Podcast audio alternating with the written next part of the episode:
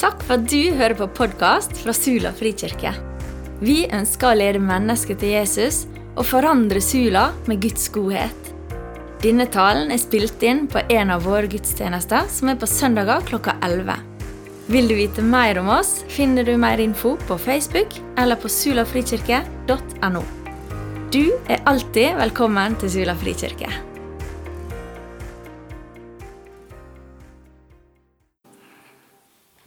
God søndag. Kjekt å se dere igjen. Godt å være sammen.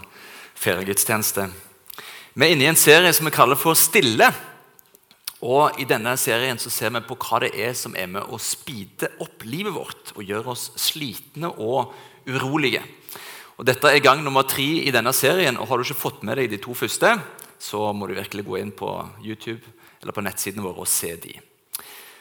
Og Vi har sett på hvordan den moderne verden, den digitale verden som vi lever i, informasjonssamfunnet og behovet vårt for hele veien å være på og være online, hvordan det på en måte kaster informasjon mot oss og inntrykk mot oss i en jevn strøm.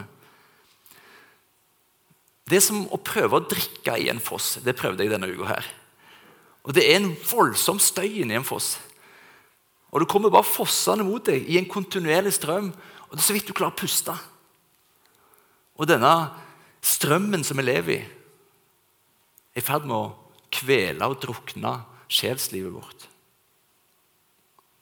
Vi mister evnen vår til å holde oppmerksomhet og fokus. Vi blir urolige, vi blir slitne. Og Vi hører ikke stemmen fra oven, for det er så mye støy. Og Vi mister kontakt med oss sjøl, med vår sjel, med hvem vi er, og med hva vi skal i dette livet. Men Jesus er gode nyheter for oss. Han er evangeliet personifisert. Han tilbyr oss frelse, som ikke bare er en gang der framme, men det er å bli fri fra stresskjøret og fra den gnagende uroen i kroppen. Det handler om å bli heil og bli helbreda på dypet. Det handler om å finne fred, glede og kjærlighet. Og Jesus sier, 'Jeg er kommet for at dere skal ha liv og overflod. Og hvordan, sier du? Hvordan kan det skje? Jo, sier Jesus, følg meg. Han sier, 'Kom til meg, alle dere som strever og bærer tunge byrder.' 'Og jeg vil gi dere hvile.' Ta mitt åk på dere, og lær av meg. Så skal du finne hvile for sjelen din. For mitt åk er godt, og min byrde er lett. Jesus og disiplene de levde i en landbrukskultur uten traktorer. Men de hadde okser som gjorde jobben. Og Da satt de to okser sammen med hverandre i par for å gjøre den tunge jobben. Og Åket Jesus snakker om her, det er et type lærlingeåk, hvor den unge, uerfarne oksen skulle få gå sammen med og lære av den store, erfarne sjefsoksen. Jesus inviterer oss til å gå i åk med han, den store, erfarne oksen. Og Da ble det tungt for den unge, uerfarne oksa om den liksom drog til side og gikk sin egen vei. Det ble også tungt for den unge, uerfarne oksa om han gikk for fort. Og så ble det tungt om han gikk for sakte. Det ble ubehagelig. Men den unge, uerfarne oksa måtte lære å gå i rytmen med den erfarne sjefsoksa. Da kunne en få erfare at åket var godt, og byrden var lett å bære fordi den store sjefsoksa bar den meste av byrden. Jesus inviterer oss til å gå gjennom dette livet med alle dets byrder og alle dets utfordringer sammen med han, side ved side med han. Følge hans retning, gå i hans tempo og rytme, skulder til skulder sammen med han. Og Så sier han, 'Lær av meg'. Å følge Jesus ikke å, handler ikke bare om å være enig med han i sak eller gi tilslutning til hans lære, men det handler om å gå i lære hos han, og være en lærling. Og Vi i informasjonssamfunnet vårt vi er så vant til å ta inn informasjon. Vi glemmer å la teorien vår bli på en måte en del av kroppen og livet vårt. og La teorien bli praksis. Jesus sier jo det på slutten av bergprekenen. Den som hører mine ord og gjør dem Å gå i lære av Jesus det handler om å modellere hele livet hans. Og søke å kopiere det. Hva vaner og rutiner fylte hverdagen til Jesus? Og I dag skal vi lære en av disse vanene som Jesus levde i, kanskje den aller viktigste vanen, og som i forhold til våre åndelige liv. En vane som vil hjelpe oss til å stige ut av fossen og støyen og la sjela vår få puste igjen. Det handler om stillhet og alenetid. Matteus 4, 1-3. Hva er det første som skjer når Jesus begynner sitt offentlige virke etter han er blitt døpt? Jo, ånden leder han rett ut i ødemarken, eller i eremos, som det står på gresk. Som kan forstås eller oversettes som en, en stille plass. Eller en plass hvor han er helt alene. Jesus skulle i gang med sitt virke. Han skulle overvinne djevelen og alle hans gjerninger. Han skulle utbre Guds rike. Så hvorfor begynner han med å dra ut i ødemarka? Hvorfor 40 dager alene i stillhet, fastende uten mat? Jo, ødemarka, stedet hvor han er stille og alene med Gud, er ikke et sted hvor Jesus blir svak eller utmatta, sånn som vi kanskje ser for oss. Nei, Det er et sted hvor han får styrke. Det er stedet hvor han blir på sitt sterkeste, åndelig sett. Og Etter 40 dager alene i faste og bønn så er han klar for å bringe ut Guds rike og bringe den ondes verk vekk. Og Det er derfor hvis vi leser evangeliene, at Jesus stadig vekk vender tilbake igjen til Eremos, til ødemarken, for å få styrke og kraft. Han visste at det er i stillhet og i tillit hans styrke er. Og Så leser vi videre om Jesus at etter den første dagen på jobben som Messias, som var fylt opp med mengder av folk som trengte helbredelse og demonutdrivelser. Det var bånd pinne fra kveld, morgen til kveld. Så kunne du tro at Jesus sov litt frampå, tok en sein brunsj med disiplene sine. Og liksom, Men nei da. Markus 1,35. Tidlig neste morgen, mens det ennå var mørkt, da sto Jesus opp og gikk ut og dro til et øde sted, Eremos. Det stille alenestedet. Og så ba han der. Altså, Forstå dette.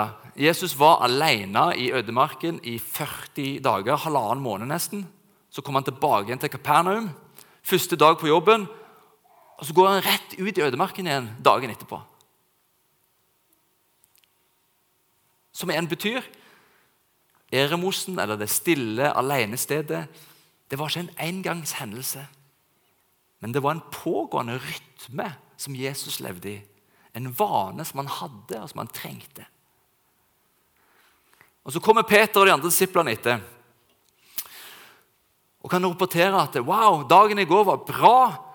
Med medvind. Guds rike går fram. Folk er leter etter deg, Jesus. Men Jesus sier nei. Vi skal videre. Vi skal til de andre byene og forkynne evangeliet. Fordi Jesus kom ut av Eremosen, han kom ut av det øde, stille alenestedet med klarhet i sitt kall og i sitt oppdrag. Han var, han var sentrert. Han var på plass. Han var nær Gud, han var nær seg sjøl. Han visste dermed hva han skulle si ja til, og hva han skulle si nei til. Og Derfor var denne ødemarken, dette stille alenestedet, topp prioritet for Jesus. I Markus 6,31 eh, så leser vi at Jesus og disiplene er trøtte etter uker med Guds rike tjeneste.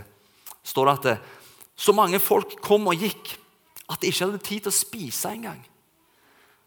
Sikkert noen som kjenner seg igjen. Det er så mye som skjer at det knapt har tid til å spise igjen. Kanskje noen småbarnsforeldre kjenner det. Og til de travle, til de slitne disiplene, så sier Jesus, 'Kom. Kom, bli med meg til Eremosen. Kom og bli med meg til et øde sted hvor vi kan være alene. Og hvil dere litt.' Eller sagt med andre ord Det dere trenger nå, er ikke å chille ned med to timer Netflix, cola og beina på bordet. Du trenger egentlig tid alene med Faderen. Men for å få det så måtte de ut fra støyen, bort fra folka, bort fra alle oppgavene. Så de dro for seg sjøl til Eremosen, til det stille, alene stedet. Og hva skjer? Jo, life happens. Folkemengdene kommer bare etter dem. Sånn som det ofte skjer med oss òg. Du skal være alene med Jesus, stille, men så kommer det en melding fra sjefen på jobben at det er litt krise. Eller du er stille alene, og så begynner ungene å krangle. Eller du skal ha stille og være alene, og så ringer det på døra. Ja. Life happens. Sånn også med Jesus og disiplene. Og Så går historien videre. og Jesus og disiplene de ender opp med å dele ut mat til 5000 mennesker ut fra en liten Guds nistepakke. Så sender Jesus folkene hjem igjen og disiplene hjem igjen. Og hva gjør Jesus? Jo, han går opp i fjellet for å være alene, stille med Gud. Han er der oppe alene hele natta i bønn til Gud. Hvorfor er han det? Var det fordi han var så åndelig? Eller var det rett og slett fordi det var den eneste tida hvor han hadde sjanse til å være alene, og hvor det var stille? Det var så mye behov. Det var så mye som skjedde. At det var ikke andre tidspunkt å være alene. Og Han visste at det å være alene og stille med Faderen det var det aller, aller, aller viktigste. Så Hva tidspunkt på dagen eller i uka di er det mulig for deg å være stille og alene? For du og meg, vi trenger det. Jesus levde i denne vekselvirkningen mellom å være med folk, masse folk, folkemengder, i, nære og dype relasjoner, og det å være helt alene, stille med Gud. Slappe av og roe ned. Og Hvis vi vil leve som Jesus, modellere hans liv, vandre med han, gå i åk med han, finne hvile og stillhet i vår sjel, så trenger vi også å finne den samme vekselvirkningen. I Lukas 5, vers 15-16, så står det Men ryktet om han spredte seg bare enda mer. Og store flokker strømma til for å høre ham og bli helbreda for sykdommene sine. Og Leser du Lukas-evangeliet, så kan du få inntrykk av at hvor travlere livet ble for Jesus, jo mer trakk han seg tilbake i stillhet og ba. For oss blir det fort motsatt. Jo travlere livet blir, det første som ryker, det er den stille alenetida med Gud. Sitte i stillhet, lese litt i Bibelen, skrive ned tanker og inntrykk i en journal. Øse ut hjertet ditt framfor Gud. Gi sjela vår tid til å ta igjen kroppen og bli til stede. I tider hvor det er ekstra travelt, så trenger vi enda mer tid alene og i stillhet. Ikke mindre.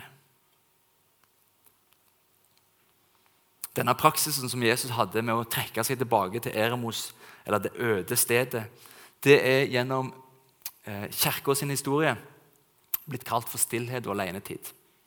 Og En definisjon er at det er intensjonell tid i stillhet for å være alene med Gud og med de sjel.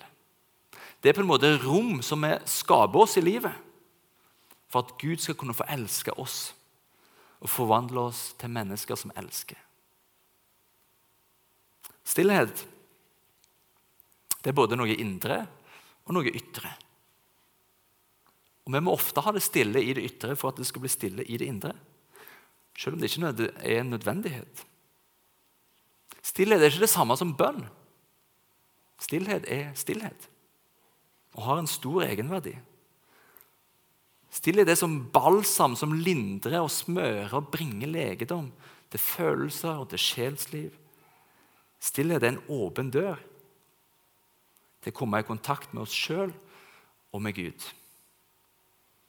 For hva skjer når vi blir stille i oss? Jo, du hører deg sjøl. Du ser deg sjøl. Og Så blir det lettere å prate med Gud. Det blir lettere å høre Gud. Som eh, munken og eremitten Johannes Klimakus sa stillhetens venn kommer nær Gud. C.S. Lewis har skrevet en roman som heter 'Djevelen dypper pennen'. Det er en satirisk roman hvor han skriver om, om sjefsdemonen Tommeskrue, som skriver sine råd og instrukser til, de, til en ny, ung demon. Og I den boka så klager demonene over stillheten, fordi stillheten ødelegger det de prøver å gjøre i de kristne. Og Djevelens rike blir i boka kalt for støyens rike. Og Denne sjefsdemonen Tommeskrue utbryter at til slutt så skal vi gjøre hele universet til støy. Hvorfor står radioen eller musikken alltid på i bilen? Hvorfor må TV-en alltid stå på hjemme? Hvorfor går vi med musikk i ørene nonstop? Hvorfor må vi høre på musikk eller podkast mens vi arbeider rundt huset eller til og med trener? Hvorfor må mobildataen eller lyden på mobilen alltid stå på? Eller må det det? Nei, det må ikke det.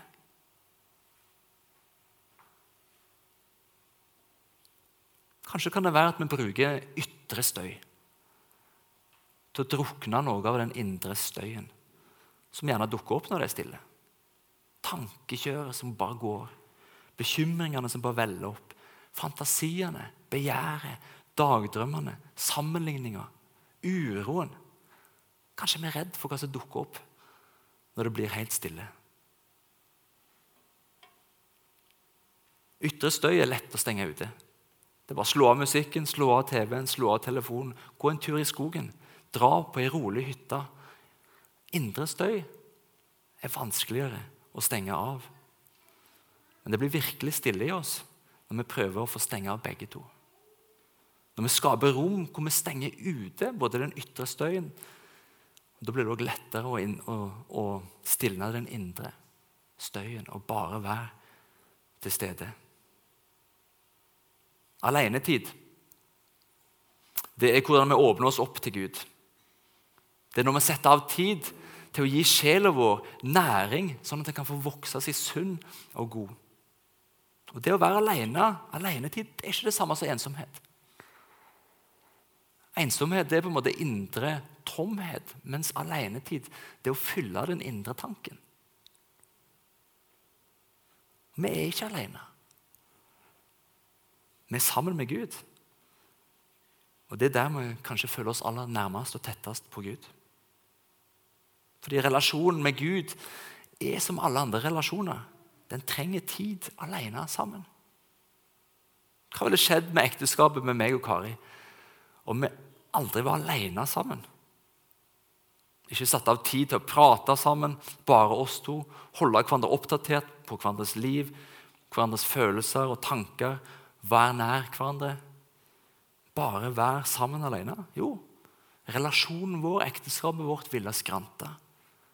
Det samme gjelder relasjonen vår med Gud og vår egen sjel.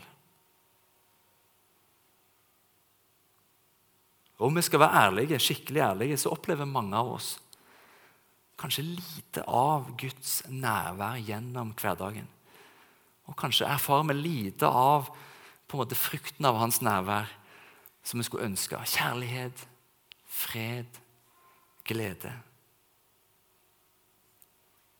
Og Hvis den tesen som vi snakka om forrige uke, stemmer, at det kanskje ikke er at det kanskje er vi som er fraværende, og ikke Gud, at det handler mer om at det er vi som blir distrahert, mer enn at det er Gud som har kobla seg av. Så er løsningen vår ganske enkelt. Vi trenger å skape et sted hvor vi kobler oss til Han og retter vår oppmerksomhet på Gud. Vi må skape vår eremos. Vi må skape vårt øde sted, vår alene og stille plass. Og Det vil jeg virkelig anbefale deg å gjøre og jobbe med. Hvordan ser det ut for meg? Jo, altså Jeg er i utgangspunktet ikke en kjempestille person. Jeg er ekstrovert, jeg liker lyd, jeg liker musikk, jeg liker fart og action. Men jeg har lært meg å sette pris på stillheten. at det er rolig, at det er ingenting som skjer. Og jeg trenger det. Og Denne uka har jeg vært på en tredagers solotur. Stille, alene med Gud i fjellet. Jeg har gjort det til en rutine. Ved starten av hvert semester tar jeg noen dager alene med Gud, i bønn, i stillhet. Og jeg sitter ikke bare på rumpa. Jeg går eh, på fjellet, på ski på vinteren, men jeg går alene. Jeg går uten inntrykk, uten musikk eller podkast. Det er stille. Jeg prater med Gud, og jeg er stille. Tidligere har jeg dratt mye på retreat, som på en måte er en organisert, stille alenetid med Gud. Hvor du får delta i en felles bønnerytme. Hvor du får hjelp til å leve i stillheten. I hverdagen min så står jeg opp en stund før jeg må. For å være alene. For å være alene med Gud. Før de andre i huset våkner. Og jeg er bevisst på å ikke skru på telefonen eller PC eller noen ting. Helst må de ligge ute av syne. Jeg har en kaffekopp, jeg har et knekkebrød med brunost, jeg har en liten notatbok ved siden av meg. Der noterer jeg ned ting som kommer opp, og som jeg må huske på. Gjøremål. Så ligger de der. Kan de få hvile der. Så er jeg der sammen med Gud. Leser litt i Bibelen, ber litt, skriver ned inntrykk og det som taler til meg. Puster. Jeg prøver ikke å fylle hele livet mitt med lyd. Når jeg har anledning til at det kan være stille, så prøver jeg å la det være stille. Når jeg kjører bil, f.eks., prøver jeg å la det være stille. Men ikke alltid, ikke hele tida. Men noe prøver å skape lommer av stillhet i hverdagen min. For at sjela mi kan få hente seg inn. Jesu invitasjon til disiplene den gang er også hans invitasjon til oss i vår hverdag. Kom! Bli med meg til et øde sted hvor vi kan være alene. Og hvil deg litt. Hvordan kan det se ut å skape din stille alene med Gud og deg sjøl plass? Jo, finn deg et stille sted. Gjerne et fast sted fordi sjela di vil etter hvert bli vant til å falle til ro der. Det kan være stolen i stua, det kan være sofaen i hagestua, det kan være en benk i hagen, det kan være en stubbe i skogen. Noen av oss liker bedre å gjøre enn det å tenke. Og vil oppleve det mye enklere å falle til ro om du f.eks. går. Et stille, går et sted hvor det er stille, hvor du er alene, hvor du ikke møter folk, hvor det er uten forstyrrelse. Gjerne en fast runde som du går. Finn deg ei tid på dagen som passer best for deg. For de fleste så vil det funke best om morgenen, før barn eller andre våkner, og dagen på en måte skrus på. Men vi er forskjellige, og med forskjellige livssituasjoner. Så kanskje er det bedre for deg ettermiddag. Kanskje er det bedre for deg senere på kvelden. Bestem deg hvor lenge det skal vare. Og Ikke begynn liksom sånn å være en eremitt, liksom, men, men, kanskje du skal begynne med et kvarter. To, tre, fire ganger i uka. Når det faller inn i en rytme, en vane, så kan du øke til litt mer. La denne stille alenetida med deg sjøl og med Gud være uten forstyrrelser. Slå av mobilen. La den være i et annet rom, helst. Og når du er der alene, på det stille stedet, så sitt ned, ro deg ned, pust. Bare vær. Kjenn at du er til stede. Minn deg på at Gud er nær, at han er rundt deg, at han er i deg. Kanskje skal du, når du er i bilen alene, bruke den tida stille alene med Gud på vei til jobb. eller Kanskje skal du bruke noe av hviledagen til noe mer tid i stillhet og alene. Kanskje kan du en gang i måneden eller en gang i kvartalet ha en sånn alenedag i stillhet. Dra et sted hvor du bare er stille alene. Du må gjøre det som passer for deg. Men prøv å skape deg et stille alenested. Hvor du kan være alene med Herren og hvile deg. Og husk et ja til en sånn stille alene-tid. det er samtidig et nei til mye annet. Så bestem deg for det. Og så handler det mer om å ikke gjøre enn det å legge til og gjøre mer ting. Det handler mer om å ta bort fra livet som utgangspunktet er fullt, mer enn å legge til. Det handler om å stenge støyen ute. Hverdagen, alle gjøremål. Sette det på vent og bli til stede. Hos Han som alltid er nærværende. Han som sier 'kom til meg' og bli med meg til et øde sted hvor vi kan være alene. Og hvil deg litt. Og han er her nå. Han ønsker å møte oss nå. Så du kan få sette deg godt til rette på stolen. Du kjenner at du sitter godt. Og så kan du, hvis du vil, rekke hendene ut. Og så kan du liksom snu dem. Så legger vi alt som fyller sinn og tanker. La det hvile hos Gud nå. Så kan du snu hendene opp igjen. Herre, må du åpne oss opp for din ånd og for din stemme. Kan du få puste. Kjenn på pusten din. Og På innpust så kan du få kviskre Jesus. Og på utpust kan du få hviskre Kristus. Sentrerer du og fokuserer du på Han. Så sier Gud at i stillhet og i tillit skal vår styrke være.